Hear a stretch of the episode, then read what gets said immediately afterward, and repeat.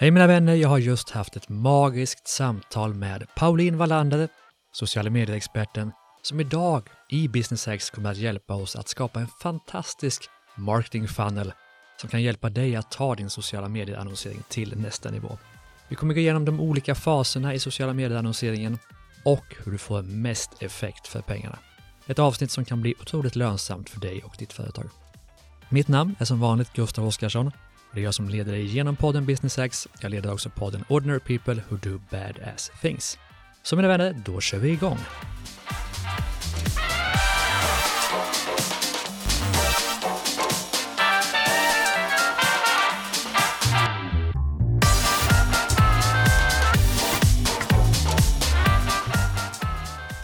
Välkommen till Business X, Pauline Wallander. Tackar! Hur är läget? Jättebra! Jättekul att ha dig med verkligen. Idag ska vi snacka om hur man lyckas bäst med sin marknadsföring och kanske framför allt annonsering i sociala medier. Och det är du expert på. Varför är du expert på det? Just det. Um, jag är expert på det för att, tack för den Ja. Nej men uh, jag har jobbat de senaste fem åren på en ledande sociala mediepartner, Socialview, som jag är delägare i också. Så att där har jag jobbat tillsammans med mina experter där i de senaste fem åren som sagt med att eh, bygga tillväxtmodeller och strategier för hur bolag ska lyckas ännu bättre med sina investeringar i sociala medier. Och det mm. handlar ju om hur man ska växa, hur man ska öka sin försäljning där, hur man ska få ut riktiga resultat av sina, av sina insatser helt enkelt. Så att vi hjälper bolag som Kjell Company och Epicenter och Söderberg Partner och den typen av bolag. Mm. Eh, för att de ska öka sina resultat och få ut ett riktigt affärsvärde från deras insatser. Just det. Och idag, eller de som lyssnar på Business X är ju primärt lite mindre bolag än eh, Söderberg Partners och Kjell Company skulle jag anta. Det finns ju inte så många bolag i den storleksordningen. Exakt. Så vi ska fokusera på lite mindre bolag idag ja. såklart. Och det vi vill komma in på, vi hade ju eh, nyligen här i ett avsnitt Frida Boysen och då snackade vi om att nå ut i sociala medier generellt och som företag och som företagare.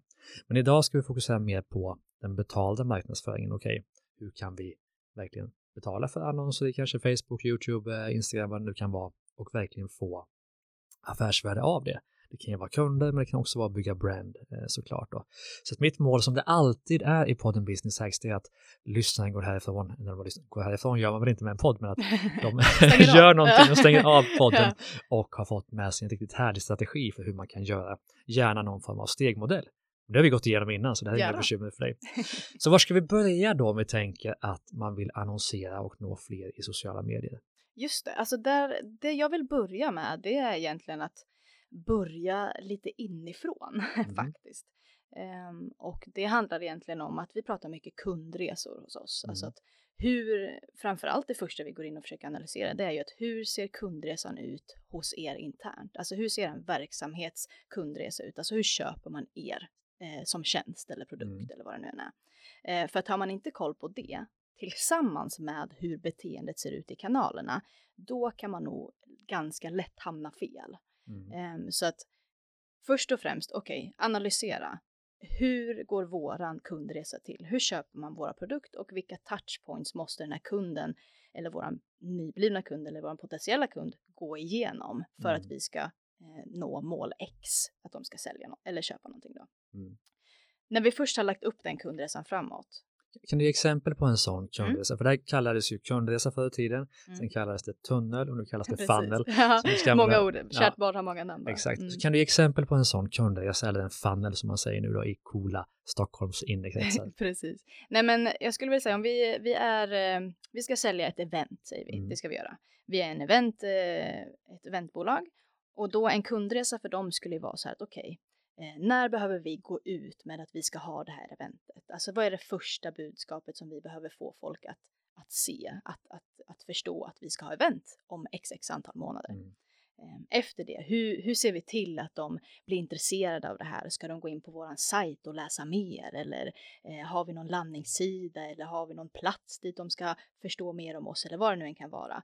Och sen när behöver vi liksom sälja biljetterna och hur ska det gå till? Är mm. det via någon extern sajt eller har vi någon egen sajt som vi ska sälja våra biljetter på? Eller vad det nu än kan vara. Där. Så att hela den kundresan, alltså säljcykeln egentligen av mm. våran mm. produkt, lägga upp den framför sig. Um, och sen då på det bli riktigt, riktigt duktig på att förstå hur beteendet ser ut i de olika kanalerna. För att kan man förstå det tillsammans med att ha liksom sin kundresa framför sig, då kan man ganska lätt börja malla ihop det här och mm. se hur ska vi integrera våran kundresa i de sociala kanalerna på olika sätt. Mm.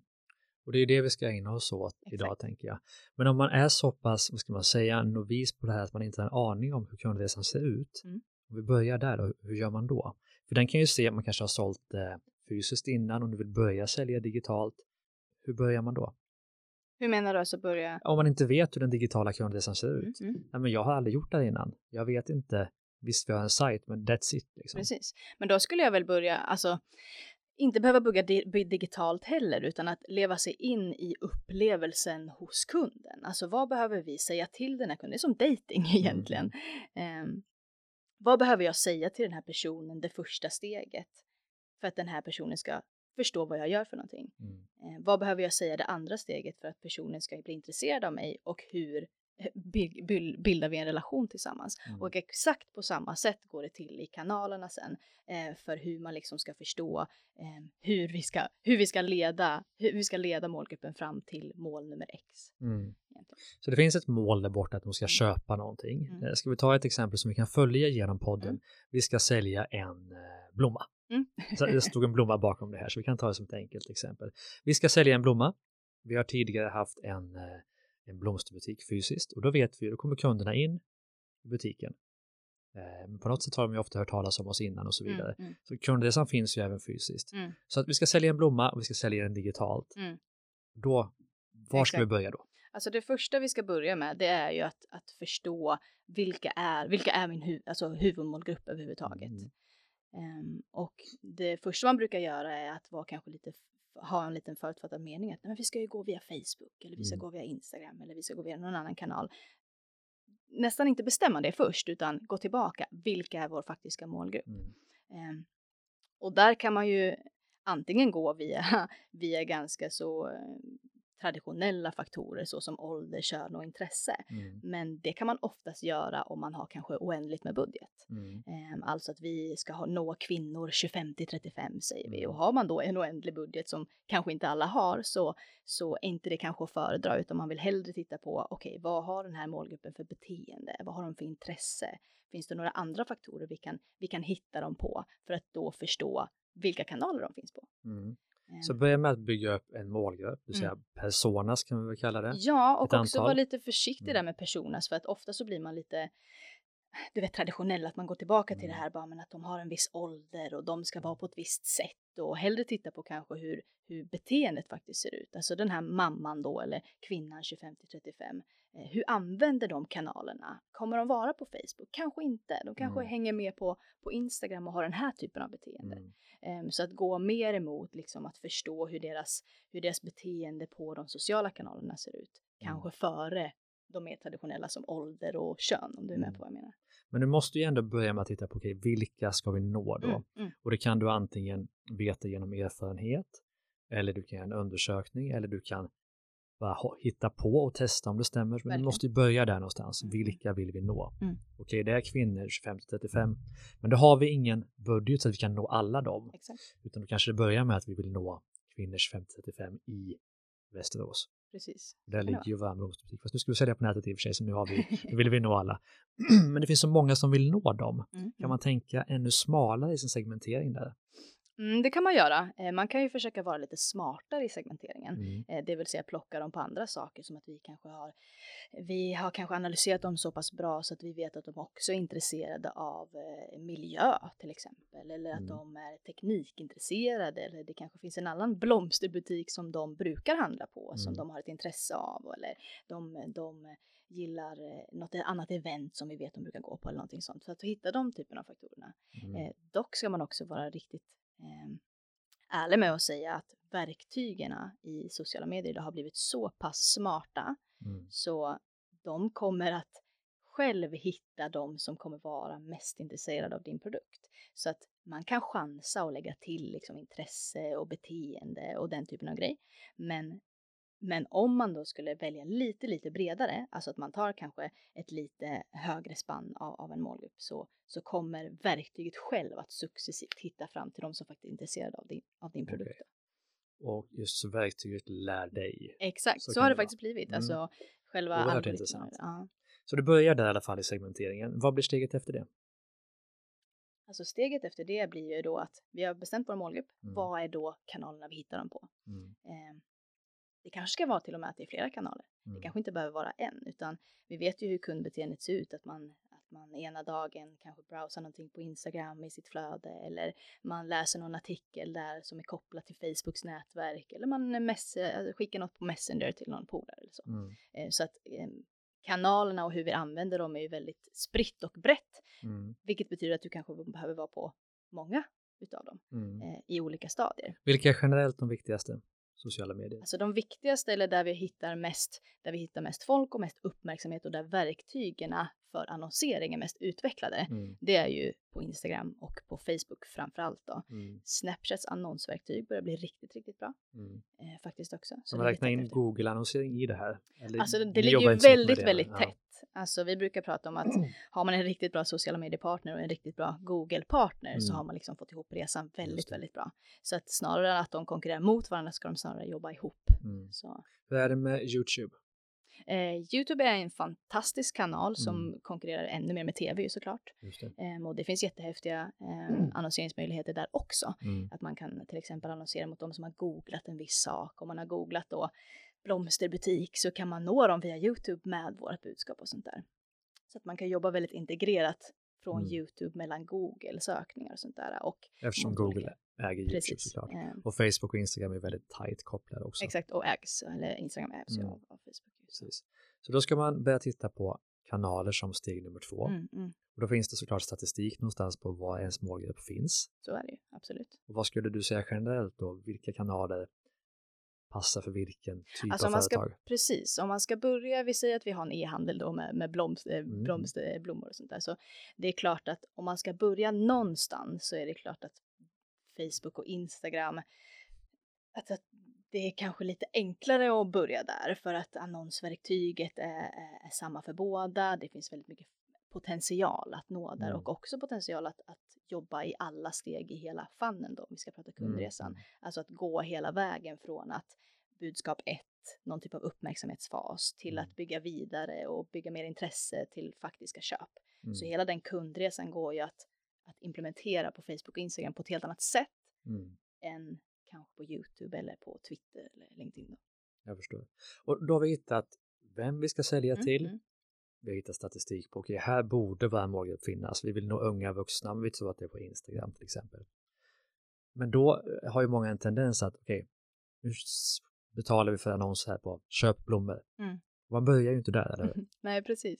Nej, det, det är ju oftast eh, den eh, det fallgropen man hamnar i, alltså Mm. att man vill vara så effektiv och vill ju ha resultat så snabbt som möjligt så att Mm. man går kanske på konvertering det första man kan för att om man ska vara helt ärlig så vem som helst kan ju göra en, en konverteringsdrivande annons. Alltså det är ju Mm. bara att välja att vi ska driva köp, vi lägger en, en blomma där och sen har vi en klick med att köp Mm. nu.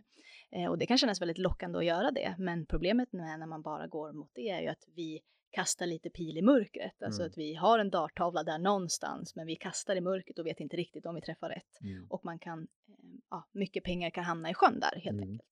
Så att det vi vill göra här, det är ju att successivt segmentera ut de målgrupperna som faktiskt är intresserade av oss. Mm. Och då måste vi vara duktiga på att fördela ut våra budskap. Alltså Mm. hur får vi den här målgruppen som vi då har definierat, hur får vi dem att faktiskt se oss? Mm. Se vårt varumärke, se att vi finns, se varför de ska intressera sig av oss. Så det är ju steg nummer ett.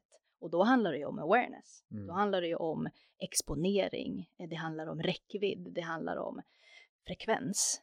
Ehm, Kan man säga att, att bygga brand helt enkelt? Att få Ja, människor att känna absolut. igen ditt varumärke på något sätt. Precis, Mm. alltså långsiktigt handlar det ju om, om brandbuilding och det tror jag kommer bli en av de mest vitalaste grundfundamenten för alla varumärken eller alla företag framöver. Alltså det kommer finnas så himla många konkurrenter som har samma produkt Mm. som du så att har du inte den här awarenessen eller eh, brandbuildingen eller någonting som gör att du faktiskt sticker ut, då kommer det bli väldigt svårt för dig i längden. Mm. Så att det är ju någonting som vi gör för att långsiktigt bygga försäljning men också för att segmentera ner målgruppen på ett strategiskt sätt. Mm. Så om vi har gått ut med ett awareness-budskap då, så kan vi ganska snabbt plocka ut dem som har kanske tittat längre på den här annonsen som vi har, eh, som vi har annonserat ut och de som faktiskt har tittat på vår film här säger vi. Ehm, och då vet vi, eller i alla fall fått en hint av att de här kanske är intresserade av oss. Mm. De är värda för oss att jobba vidare med. Just det, och då tar man dem vidare i tunneln så att säga. Precis. Jag vill gå tillbaka till innan det för att mm. Du säger så här, men då, då ser vi vilka som har kollat på vår film. Precis, och det ser man då ja. i publiceringsverktyget. Precis. Och det finns på Instagram och det finns på Facebook. Du måste ju ha någon form av företagskoppling då Precis. i de här kanalerna. Exakt. Och bara såklart att ditt svar är att man borde ta hjälp med detta, men det går ju också att göra det själv. Vad är fördelarna och nackdelarna med att ta hjälp med att göra det själv? Alltså fördelarna med att, att göra det själv är att mycket finns där ute. Alltså mm. det går ju att lära sig, absolut. Och, mm. Alltså det, går, det finns ju blueprints på både Facebook och Instagram och alla kanaler som det är ju mycket gediget material, mm. men det mm. går ju verkligen att lära sig. Nu har ju vi suttit med det här varje dag i de liksom fem senaste åren mm. eh, och verktygen utvecklas ju verkligen dagligen och varje mm. vecka så att även vi behöver ju ha utbildningar varje vecka för att det händer så mycket. Men eh, det finns möjlighet att, att göra det själv så det finns massor med guider, det finns massor med tips, massor med nätverk, massor med eh, vad heter det, hubbar och grupper som man kan följa som, mm. för att lära sig ännu mer av det här. Jag tänker att man kan ta hjälp att sätta upp sitt konto. Det kan man göra. Det tar ju väldigt mycket tid att lära sig det och sen kan man ju sköta det dagliga själv och sen kan man ta hjälp ett halvår senare eller en gång per kvartal att att uppdatera kontot om man inte har en budget att lägga ut allting.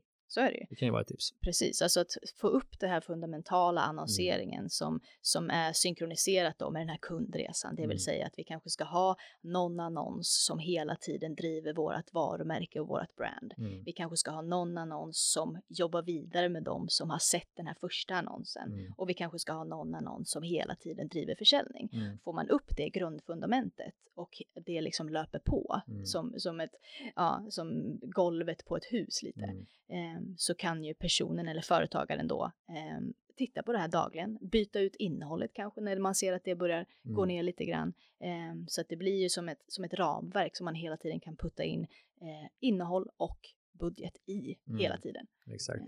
Så du vill börja med en awareness-annons, mm. eller flera annonser såklart, med samma syfte att, att bygga ett brand. Okej, man ska känna igen blombutiken i, i Solna AB helt Precis. enkelt.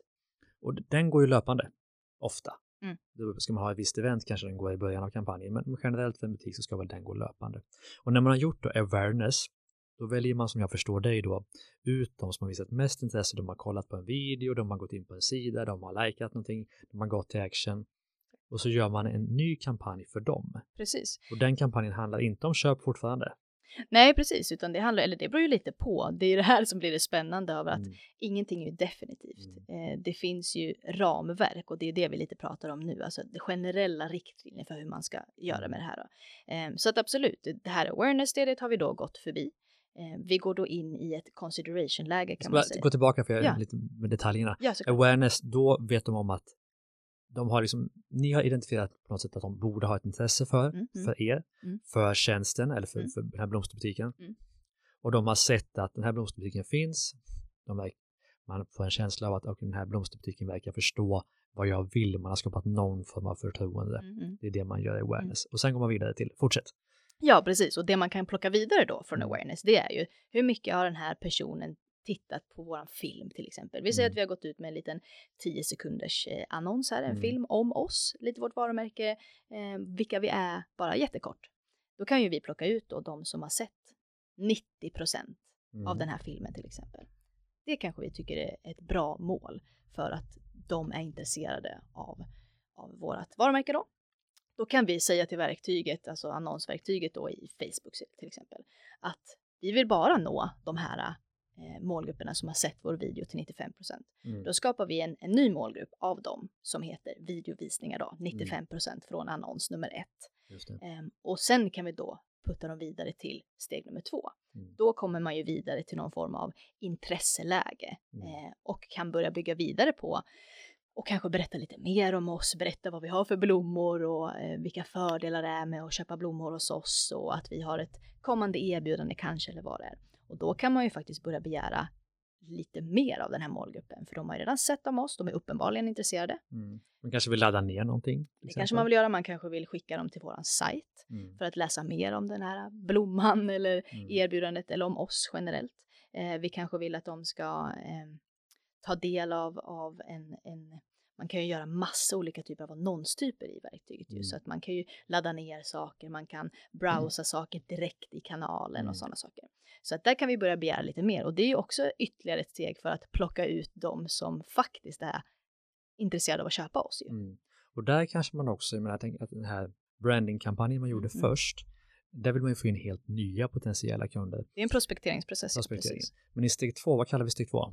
Eh, steg två kan vi, vi tar ju mycket engelska begrepp, Aha. så en consideration process eller consideration. en intressegenererande process. Egentligen. Och där borde man ju även kunna koppla in sina e-postregister, tänker jag, sina Facebook-följare, att de kommer in där, eller kommer de in i ett senare skede ändå? Jag skulle säga att man kan använda de två grejerna på på två sätt. Mm. Vi säger att vi har en, en e-postlista på nyhetsbrevsprenumeranter eh, som vi har eller tidigare kunder till och med. Mm. De kan man ju nyttja som en datakälla för att hitta nya målgrupper. Så det som är så häftigt är att man kan använda den datan som, som vi har internt i bolaget, eh, mata in den helt enkelt i mm. annonseringsverktygen för att hitta tvillingmålgrupper helt mm. enkelt. Alltså målgrupper som på olika sätt liknar våra befintliga kunder idag. Och det får man göra med tanke på GDPR. Precis, det finns ju vissa regler till det där och det är bra att du nämner det för att mm. Det jag vill gäller inte nämna det men Fasen.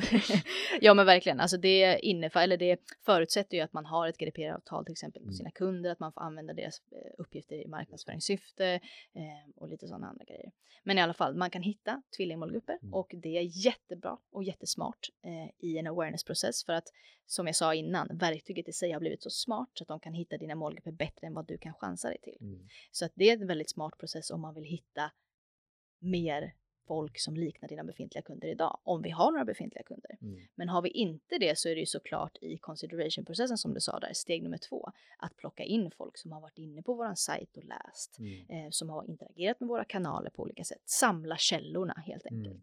för att sen då segmentera ner så många intressenter som möjligt sen till köp. Mm. Och då sätter man någon form av mål. Mm. För, I steg ett var det ju, har man sett 95 procent, då går man vidare till steg två. Precis.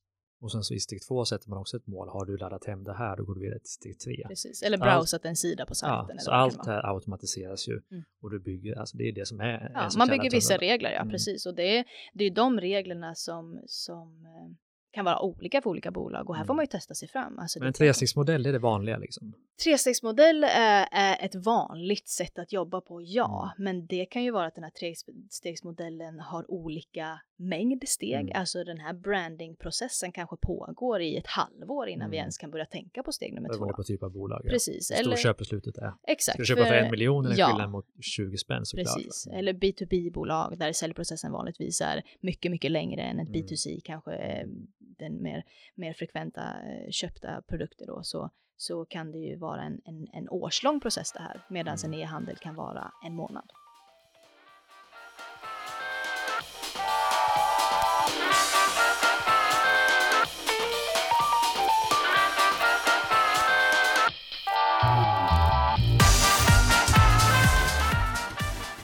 Hallå kompisar, en liten paus i podden.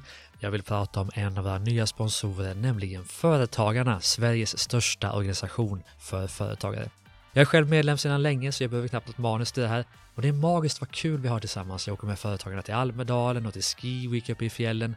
Och det är ett magiskt nätverk av människor som verkligen vill ta sina företag till nästa nivå. Men jag vill förstås också tipsa om företagarnas medlemsrabatter. Det är typ 30 stycken rabatter som verkligen gör skillnad och sparar massor med pengar på att du slipper dyra inköp. Och vi ska inte glömma också att företagarna gör det enklare att driva företag för oss som gör det. De påverkar politiker, de påverkar lagar och regler så att det passar oss som driver företag. Just nu sitter man bland annat i den stora utredningen om LAS, som för övrigt alla företagare med anställda behöver sätta sig in i. Det gör man såklart genom att läsa och lyssna på företagarnas hemsida och de har också en regelförenklingsturné med näringsminister Ibrahim Baylan. Så det är viktigt såklart att vara med i Företagarna så man får ta del av alla rabatter, det härliga nätverket, men också att vara med i en rörelse som hjälper oss företagare att ta våra företag till nästa nivå och påverka politiker för att vi ska få ett så härligt företagarklimat som möjligt. Gör som jag, gå med idag. På företagarna.se kan du teckna ditt medlemskap.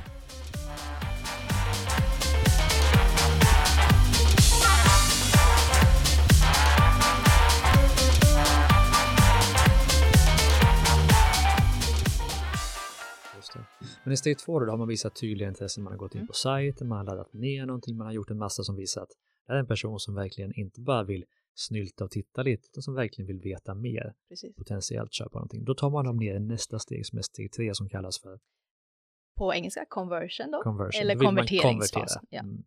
Hur gör man då?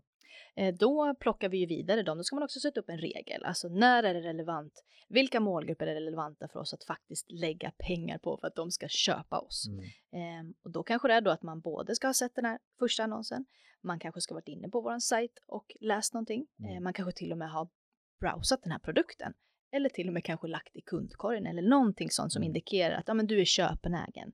Du vill någonting mer än bara att titta på vårt innehåll. Ehm, och då kan man ju för första gången börja sätta upp en målsättning som heter köp Mm. och då också ställa in i verktyget att jag vill optimera mot köp.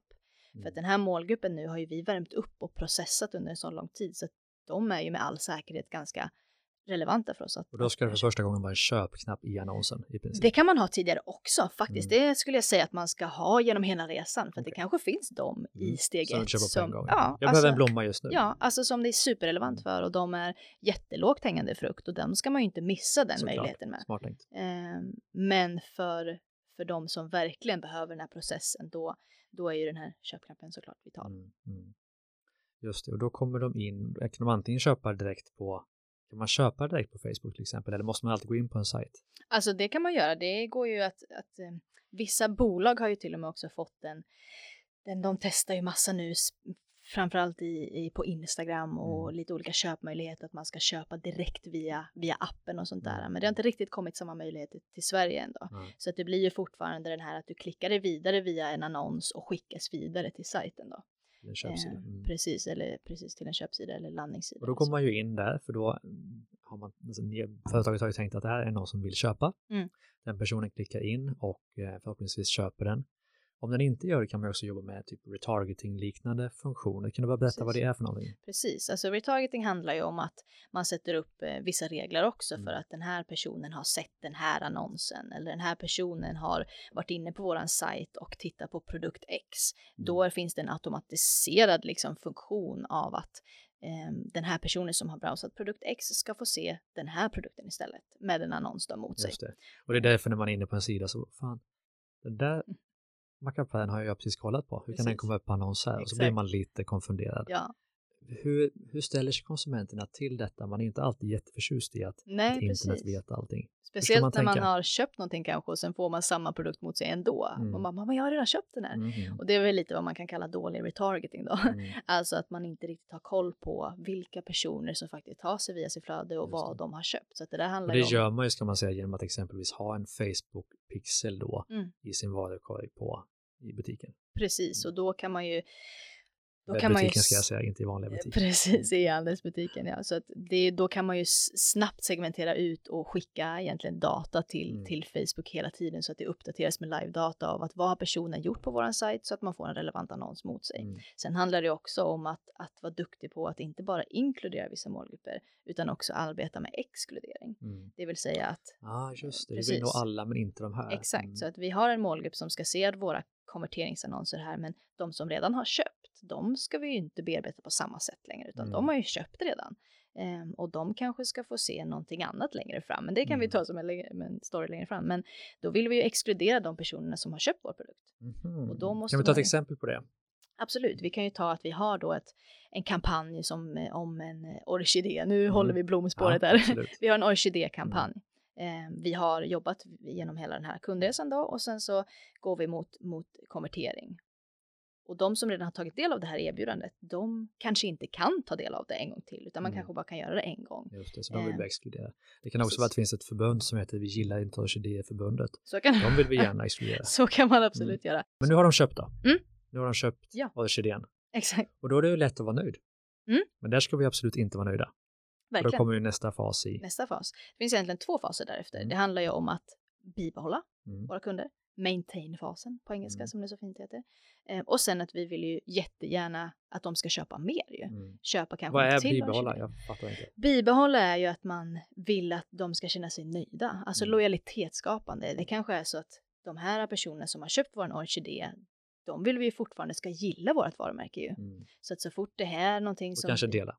Ja, alltså Mm. som vi vill att vi ska dela med oss av eller vårt varumärke har precis gjort en satsning på miljön säger vi och det Mm. kanske vi jättegärna vill att våra kunder ska veta för att de ska tycka att vi är ett bra bolag. Mm. Så att de kunderna som vi har är ju också jätteviktig målgrupp för oss att fortsätta bearbeta i sin egna kundresa ju. Mm.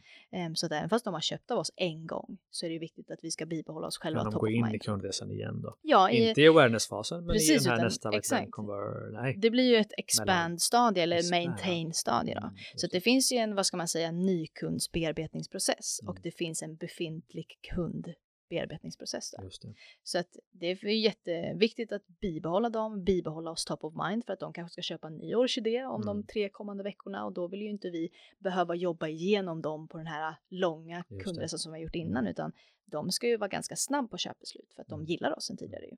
Så det är ju ett anledning att bibehålla dem men också att kunna visa dem nya saker. Vi kanske har Mm. fått in en mycket finare orkidé eller någon annan typ av blomma som är liknande den eller någonting Mm. annat. Så då vill vi både bibehålla dem men också öka försäljningen Mm. per kund. Och fasen efter det, vad heter den då?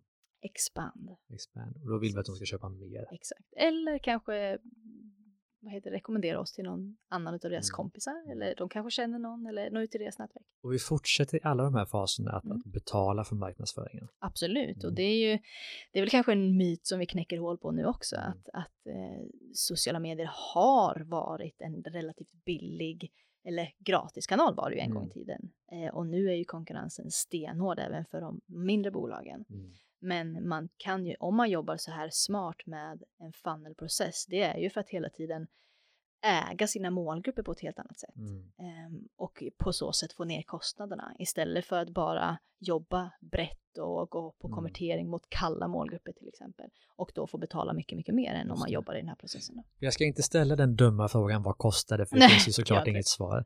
Eh, och det beror på vilka ord man vill synas på, Mm. vilka målgrupper man vill nå. Men det måste ju ändå finnas sätt att minska kostnaderna. Vilka är tipsen där? Det vill säga att det kan exempelvis vara, tänker jag, att den landningssida man väl kommer till sen, Mm. att den verkligen är relevant för det som annonsen handlar om. Det är en sån sak, för Facebook sätter ju ratings på, på landningssidan, eller? Verkligen, ja absolut. Alltså allting, det är lite så här, det är nästan, det är nästan bättre att utgå från att, att allting du gör kommer Mm. påverka dina resultat. Mm. Både hur din sajt är och hur dina kanaler ser ut. Och Mm. det är Så hur får, man- hur får man ner kostnaderna? mm, Ska man skicka ut alla annonserna på natten? Liksom, vad är, precis. vad är, vad Det är är, svaret? ju- det, är, det är två saker som, på, eller som påverkar budgivningen Mm. i både Facebook och Instagram och i de flesta andra kanaler också. Men det är ju din budget givetvis. Mm. Men det är också hur relevant ditt innehåll är Mm. mot din det. Vilket är väldigt positivt för dem som är väldigt duktiga på det här eller som Mm. lägger mycket tid och kraft i just innehållet. Då. Så Och, hur, och vad är kvalitet? precis, kvalitet är ju, det är ju en väldigt subjektiv fråga. Mm. Men kvalitet är ju... Att det är väldigt objektivt för Facebook, för det är en algoritm som bestämmer Precis, det. Mm. subjektiv, eller vad heter det, kvaliteten är ju egentligen hur mottagaren kommer ta emot det. Mm. Så att hur du formaterar ditt innehåll, det handlar ju om liksom vilken kanal du är på, hur attraktivt det är för ögat, vad händer inom de första sekunderna. I snitt har vi 1,7 sekunder på oss i flödet när man Mm. scrollar att fånga någons uppmärksamhet. Så det är ju det det här blomföretaget behöver tänka på, alltså att hur, hur kan vi nyttja de här 1,7 sekunderna som det genomsnittliga uppmärksamhetsspannet liksom, är till att fånga deras uppmärksamhet, visa någonting som intresserar dem. Om det är en blom, blomintresserad person, ska vi visa blommor då i den första sekunden eller ska vi visa något vackert eller ska vi visa något engagerande eller ska vi ställa en fråga eller på något sätt liksom få dem att Mm. stanna upp ju. Så, svaret är att vara så relevant som möjligt, men egentligen också så smal som möjligt då. Du vill, du vill inte nå någon som inte, som inte är relevant för dig. Precis. Speciellt Alltså, som ett litet företag när du har en väldigt begränsad budget. Så är det ju. Det är, det är lite både och det där. Alltså både att vi vill vara så relevant som möjligt, men vi vill ändå inte missa någon som kan gilla oss. Är det, annan smart, alltså, det bästa är om du har någon form av lista, eller Så är det. åtminstone kanske bara hitta på, eller kanske man inte kan med GDPR, men alltså för att hitta de här tvillingkunderna. För Mm. en köpt så borde ju någon som har exakt samma intressen också vilja köpa. Verkligen. Den är ju jätteviktig att, att komma fram till. Mm. Okej. Mm. Finns det något mer tips för att kunna betala mindre? Alltså för att få ner kostnaden för klick, för Mm, mm. impressions. Mm, precis, alltså att, att mäta, att mäta klick på det sättet är också ganska, ganska utmanande för att mm. det är ju inte det, är inte det vi vill betala för i slutändan utan mm. vi vill ju betala för att vi har fått någon att köpa ju. Det är mm. det vi vill betala för. Men hur man kan få kostnaderna att gå ner, det är ju framförallt att, att jobba, i den här, jobba i den här processen så att vi inte lägger konverteringspengar på någon som inte är relevant att, att köpa utav oss. Så att, att jobba via de här annons 1, 2 och 3 mm. är, är verkligen underskattat eh, för att liksom sänka kostnaderna över tid. Då. Just det, så 1, 2, 3, att lägga pengar på awareness, Absolut. reklam för de som inte känner till det. Och det är billigare att göra en video views till exempel målsättning, mm. alltså att att ha ett awareness-budskap men en målsättning att de ska se min video. Okay. Det kan ju i, i, i längden bli lite billigare än att kanske bara jobba mot att de ska köpa min produkt och mm. sånt där. Så, så ett, två, tre tänket där med nya mm. kunder, men sen mm. också naturligtvis att få ner kostnaderna är ju att få gamla kunder i ditt system. Så, så är det att köpa så att mer. du inte behöver göra om den här mm. nyprospekteringsprocessen mm. hela tiden. Sen finns det ju ganska många eh, inställningar i, i annonseringsverktygen som gör att du kan öka din exponering till exempel. Att de ska optimera mot den placering som är bäst för dig, billigast för dig, ger bäst mm. resultat.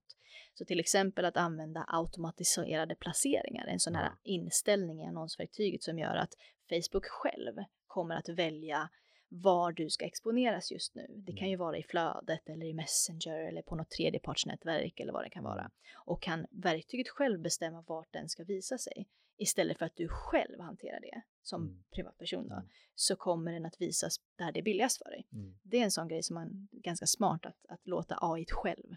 Exakt, och där måste man ju vara noga med att ha olika budskap, olika bilder, olika videos för olika format. Precis. Så man inte kör samma på allting. Precis, det är ju också en För då blir det inte relevant. Precis, och det är ju också mm. en, en grej som man kan tänka på, att använda innehåll som en tillgång. Mm. Alltså att i det här, vi säger i steg ett då, i det här awareness-fasen, att inte bara satsa alla ägg i en korg eller betta på en häst och bara ha ett typ av innehåll, mm. utan helst av allt ha kanske tre till fem olika typer av innehållsvarianter på ditt budskap. Så att vi mm. säger att vi ska I varje fas. Ja. Precis, så att det finns flera chanser för folk att se dig och tycka att du är intressant och konvertera på dig. Mm. Och då systemet självt visar ju då, men den här funkar bättre än den, ja, men då visar vi den mer Precis. Och sen så helt plötsligt så är det kanske bara en som visas för att de andra konverterar inte på samma sätt. Precis. Och då kan det också, okej, okay, nu har den här, av de här fem så funkar de här två. Mm. Okej, okay, då fortsätter vi med dem, tar bort de andra, lägger till tre nya och så jämför Precis. det mellan de tre. Exakt. Och så optimerar man hela, hela tiden. tiden. se innehåll som en tillgång. Alltså mm. att okej, okay, nu hade vi de här fem, precis som du säger. Och det är viktigt också att låta verktyget lära sig det. Inte vara snabbast på bollen där och stänga av så fort det går dåligt, Just utan det. att verkligen låta verktyget lära sig. Alltså att de här tre funkade inte. Okej, okay, mm. då vet AI det till mm. nästa gång.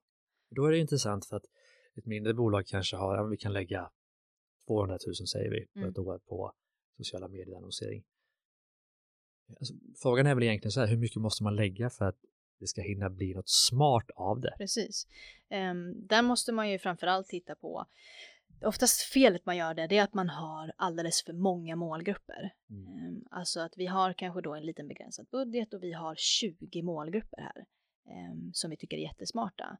Ehm, och börjar man då beta ner den här budgeten på de här 20 målgrupperna och sen mm. så kanske man börjar beta ner då på antal dagar vi ska nå ut i de här mm. så blir det väldigt, väldigt lite pengar per dag. Det blir nere på några kronor liksom. Och då väldigt snabbt så blir det väldigt ineffektivt. Mm. Så hellre då att man har lite färre målgrupper, att mm. man i så fall klumpar ihop vissa målgrupper. Så istället för 10 målgrupper kanske man har tre eh, som är ihopklumpade då.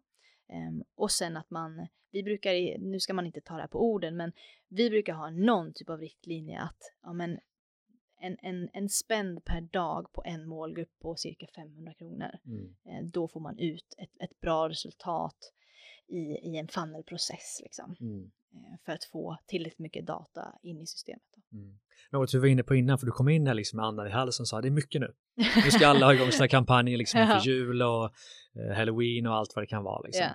Och då pratar vi om det att alla kampanjer, från, speciellt från stora företag, ligger ju i september till december Precis. och sen kanske februari till maj eller vad det kan vara. Så det är dött på sommaren och dött över jul. Mm. Och det är också ett sätt för ett litet företag att få mer backs, alltså få mer resultat för pengarna. Verkligen. Att, att jobba i perioder när ingen annan mm. gör det, sommaren speciellt. Verkligen, och typ så här februari, mm. kör på. Ja. Mm. Ingen har hunnit komma igång liksom. Exakt, mm. jättespännande. Mm. Men du, nu har vi tagit oss igenom de här fem stegen Precis. kan vi väl kalla det då i, i fannen. Vad är det mer vi behöver tänka på när det gäller betald annonsering i sociala medier?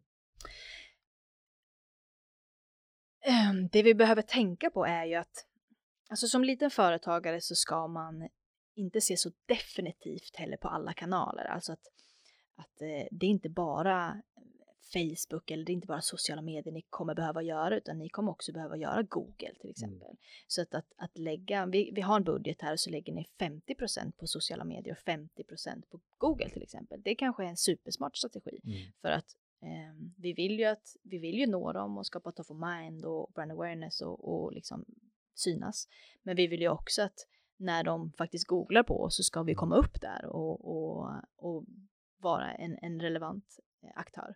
Så att det är ju någonting man också ska tänka på att mediamixen mm. är ju ett sånt där buzzword som är fint, men det ligger mycket i det. Mm. Det ligger mycket i att, att tänka på flera kanaler och mm. hur vi kan hur vi kan samarbeta med de här kanalerna för att ingenting är definitivt. Mm. Ehm, och som, som, som företagare och framförallt som e-handlare så brukar man vara väldigt ivrig att titta på sista raden, alltså vilken kanal är det som driver vårt sista köp och då brukar det oftast bli Google. Mm. Och sen så lägger man, puttar man över alla pengar till Google och sen så missar man hela den här top of mind awareness processen som är vital för att folk mm. ska vilja hitta oss och istället för att googla orkidé så, så googlar de vårt företag och sen orkidé liksom i Google. Så att det är verkligen ett samspel och, och kan man nyttja flera olika typer av plattformar så, så är ju det att föredra. Mm. Men det vi har glömt en sak, för inget som vi har sagt nu är ju någon vits med alls om inte det de kommer till är konverteringsoptimerat, alltså din hemsida. Ja, verkligen. Om inte den är schysst, snygg, Mm. och byggd för konvertering så spelar ja. det ingen roll hur mycket trafik du får in där. Va? Verkligen, och det är som bara att titta nu, sorry att jag avbryter det, men alltså 50, vi, vi såg statistik från förra årets eh, Black Friday och mm. Q4-försäljning mm. och, och hälften av alla köp som görs görs direkt via mobilen. Mm. Det är helt galet. Alltså hälften av alla köp mm. som görs är via telefonen. Så att allting från det första budskapet till att man lägger i kundkar till att man gör sitt köp görs helt och hållet via telefonen. Och det indikerar ju verkligen hur viktigt det är för oss att inte bara göra en mobilanpassad sida utan att bygga våran sajt helt och hållet utifrån hur man ska browsa den på, mm. på mobilenhet. Mm. Har du några tips där om sajten, såklart Mobile First och allt detta. Mm, så verkligen. Det är som är lite innebegrepp, eller var i alla fall. Ja, väl, precis. Nu är det väl en hygienfaktor, ja, men verkligen. finns det några andra tips som ni ger till era kunder när det gäller just sajten för att skapa konvertering på den? Alltså det, det, det är oftast att man vill man tittar inifrån och ut när det gäller en sajt. Alltså mm. man vill så mycket med en sajt. Man vill informera så mycket och man vill få in så mycket ikoner som möjligt mm. och så mm. mycket text som möjligt. Och där är också en, en typ av kundresa man ska gå igenom ju. Alltså vad är det man behöver veta det första man ser på din sajt. Det kanske inte behöver vara så mycket utan mm. en härlig landningssida som säger vad du är och vart du har hamnat. Mm. Och sen ju mer man väljer att scrolla vidare desto djupare kan du gå i ditt mm. budskap och information.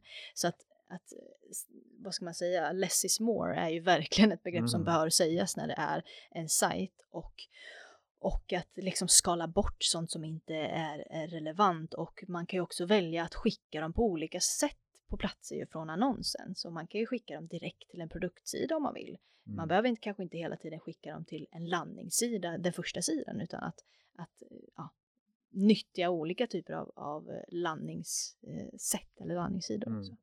Just det, intressant. Men du, i hela den här processen då, vilka är de vanligaste misstagen du ser att företagare gör? I själva funnelprocessen eller i sociala mm. medier överlag? Sociala medier överlag när det gäller betald Precis. Annonsering. Alltså det är mm. väl oftast att man försöker eh, ratta det lite med högerhanden tror jag. Mm. Alltså sociala medier har ju blivit det mest sofistikerade marknadsföringsverktyget i världen mm. och det lär ju också behandlas så. Um, så att att plocka in sociala medier lite i finrummet har väl jag promotat ganska hårt av att mm. man när man planerar för alla sina kampanjinsatser, alltså att vi ska göra någonting på nu kanske inte det för en stora företag, men vad vi än ska göra, om det är en tidningsinsats eller vi ska göra någonting utomhus eller ett event eller på tv för de stora bolagen, mm. då ska sociala medier vara med där redan mm. i början. Alltså så att vi verkligen kan planera för hur ska budskapen gå till nu ett, två, tre för att kunna verkligen göra innehåll och strategi och en tanke bakom det här. Mm. Ehm, för att det är verkligen då man kan få ut riktiga resultat av det, än om man bara ja, ah, vi har en film här, ja, ah, men lägg ut den på vår Facebook-sida Um, och sen så får man inte så mycket utav det. Um, så det är ju men vilka verktyg kan man då, för vi har ju eh, Facebooks och Instagram och liknande, de har ju sina verktyg för detta, mm. annonseringsverktyg. Finns det andra verktyg, böcker, kurser, var, var kan man hitta liksom mer hjälp om man vill verkligen börja jobba med detta? Mm. Jag skulle väl säga att vi har testat, jag vet inte hur många tusen verktyg som försöker samla alla kanaler i en och mm. sådär. Och det kan ju vara, låta väldigt bra att få alla under ett tak. Mm. Men hittills så är det ganska krångligt fortfarande. Mm. Alltså det är inte riktigt något verktyg så som har verkligen fått till det. Det finns ju olika schemaläggningsverktyg och sånt som, mm. som Hootsuite och den typen av verktyg. Men nu har ju faktiskt Instagram och Facebook i alla fall kommit med eh, ett eget sådant där man kan schemalägga organiska mm. inlägg och allt möjligt. Så att jag skulle fortfarande säga att bli riktigt duktig på eh, kanalernas egna verktyg mm. och det mm. finns ju jättemånga blueprints hos dem själva, alltså mm. Facebook for business eller Instagram for business. Det kan man läsa så exakt. man kan läsa exakt och, hur man mm. ska gå tillväga i annonseringen, hur man bygger upp ditt annonskonto, hur du bygger dina målgrupper, hur du matar in data och sådär. Så att deras blueprints är verkligen eh, ja, överlägsna just nu mm, i alla fall. Jag förstår. Men du, det är spännande för det händer ju otroligt mycket i, mm. i den här världen och vad, vad, ser du framför dig? Säg om ett år eller tre år, vad kommer vi vara då? Vad behöver vi liksom börja tänka på nu som kommer vara relevant om ett tag? Precis, alltså jag tror ju att jag är intresserad väldigt mycket kring hur på hur de sociala medierna kommer bli ett, ett verktyg mer för oss i vardagen. Mm. Det är bara att kolla nu på, på Facebook att de utvecklar sin egna kryptovaluta, Libra mm. och, och hur de eh, har integrerat med att vi ska köpa saker där och vi ska vara med i grupper och vi ska chatta och vi ska boka saker och allt möjligt. Så att jag tror att det är intressant att se hur man kan nyttja sociala medier på andra sätt än att bara annonsera. Alltså mm. hur kan vi vara delaktiga i grupper? Hur kan vi använda Messenger som ett jättebra sätt för kundtjänst till exempel? Mm. Eller hur kan vi faktiskt vara duktiga på att eh, ja, men, eh, köpa via Instagram kanske kommer bli jättestort. Så jag tror att att se det lite mer än bara ett flöde liksom. Mm. Ehm, och hur det kan bli ett verktyg i våran vardag på ett helt annat sätt med ja, grupper som sagt och, och hur vi kan köpa och sälja där via och, och sådär. Så det är, väldigt, det är en väldigt spännande sak. Kan man stå utanför? Vad sa du? Kan man skippa det här med Facebook och sociala medier? Du får slänga din telefon i vattnet. Ja, Nej men du, eh, det är jättespännande. Jag tänker för att för vissa kommer, är ju det här redan barnleken, man fattar precis allting. För vissa är det ju rocket science och de flesta ligger väl någonstans mitt emellan. Om vi ändå ska avsluta podden med någon form av, om du inte gör någonting annat, gör åtminstone det här ett, två, tre. Mm. Vad skulle det vara? Om du inte gör någonting annat så sätt upp ett annonskonto i alla fall så att du kan annonsera på, på Facebook och Instagram. Mm. Gör eh, en 10 sekunders eh, film som, som fångar uppmärksamhet i alla fall de första sekunderna och gör en video views annons kring det. Mm. Eh, plocka vidare de som har sett dem och gör en konverteringsannons, alltså köp vår produkt och testa mm. hur det går. Mm. Ehm, de tre grejerna ehm, är liksom minimi skulle jag mm. säga. För video slår bild? Ja, Eller? det är alltså video, varför vi vill göra video, det är ju för att plocka vidare de målgrupperna som har sett det. Mm. Då kan vi ju avgöra på ett helt annat sätt om hur mycket man har sett av den här videon och då. Just för det säger mer om någon har sett en hel video där man har sett en bild. Precis, och vi kan ju inte, vi kan ju, om vi kör en bild så kan vi ju bara se hur många vi har nått ut till mm. och sen hur många som kanske har klickat på den här bilden eller likat eller vad som helst. Men vi vet ju att folk inte beter sig på samma sätt längre. Mm. Folk är mer passiva konsumenter och tittar på videos mycket, mycket mer än vad man kanske väljer att klicka på någonting. Så att, att videovisning har, har blivit ett, ett nytt KPI för att mäta egentligen hur intresserad du är utav vårt budskap. Mm. Och därför är det jätteviktigt då att kunna bryta ner om de har sett 25% 50% eller kanske 100% av en video då. Så indikerar mycket kring hur intresserad du är av vårt innehåll. Mm. Spännande. Ja. Vi måste avsluta, det har varit magiskt att, att få ha dig med. Eh, Pauline, du jobbar på Social View. Eh, Jajamän. Man kan följa både dig och Social View såklart i sociala kanaler det tänker jag och få mer tips där. Eh, vi är själva en gammal kund till er och ja. älskar att hänga med, vilket är jättekul såklart. Så att, stort tack för att du ville dela med dig. Tack så jättemycket, kul att vara med. Verkligen. Och mina vänner, tack för att ni lyssnade på det här härliga avsnittet med Pauline Wallander, sociala medier-expert på Social View. Ni kan lyssna på podden såklart där poddar finns på Podcaster eller Acast eller Spotify eller vart än ni föredrar. Såklart också på driva-eget och mittföretag.com. Och vi avslutar den här härliga podden med musik från Soundry. Tack så mycket för idag.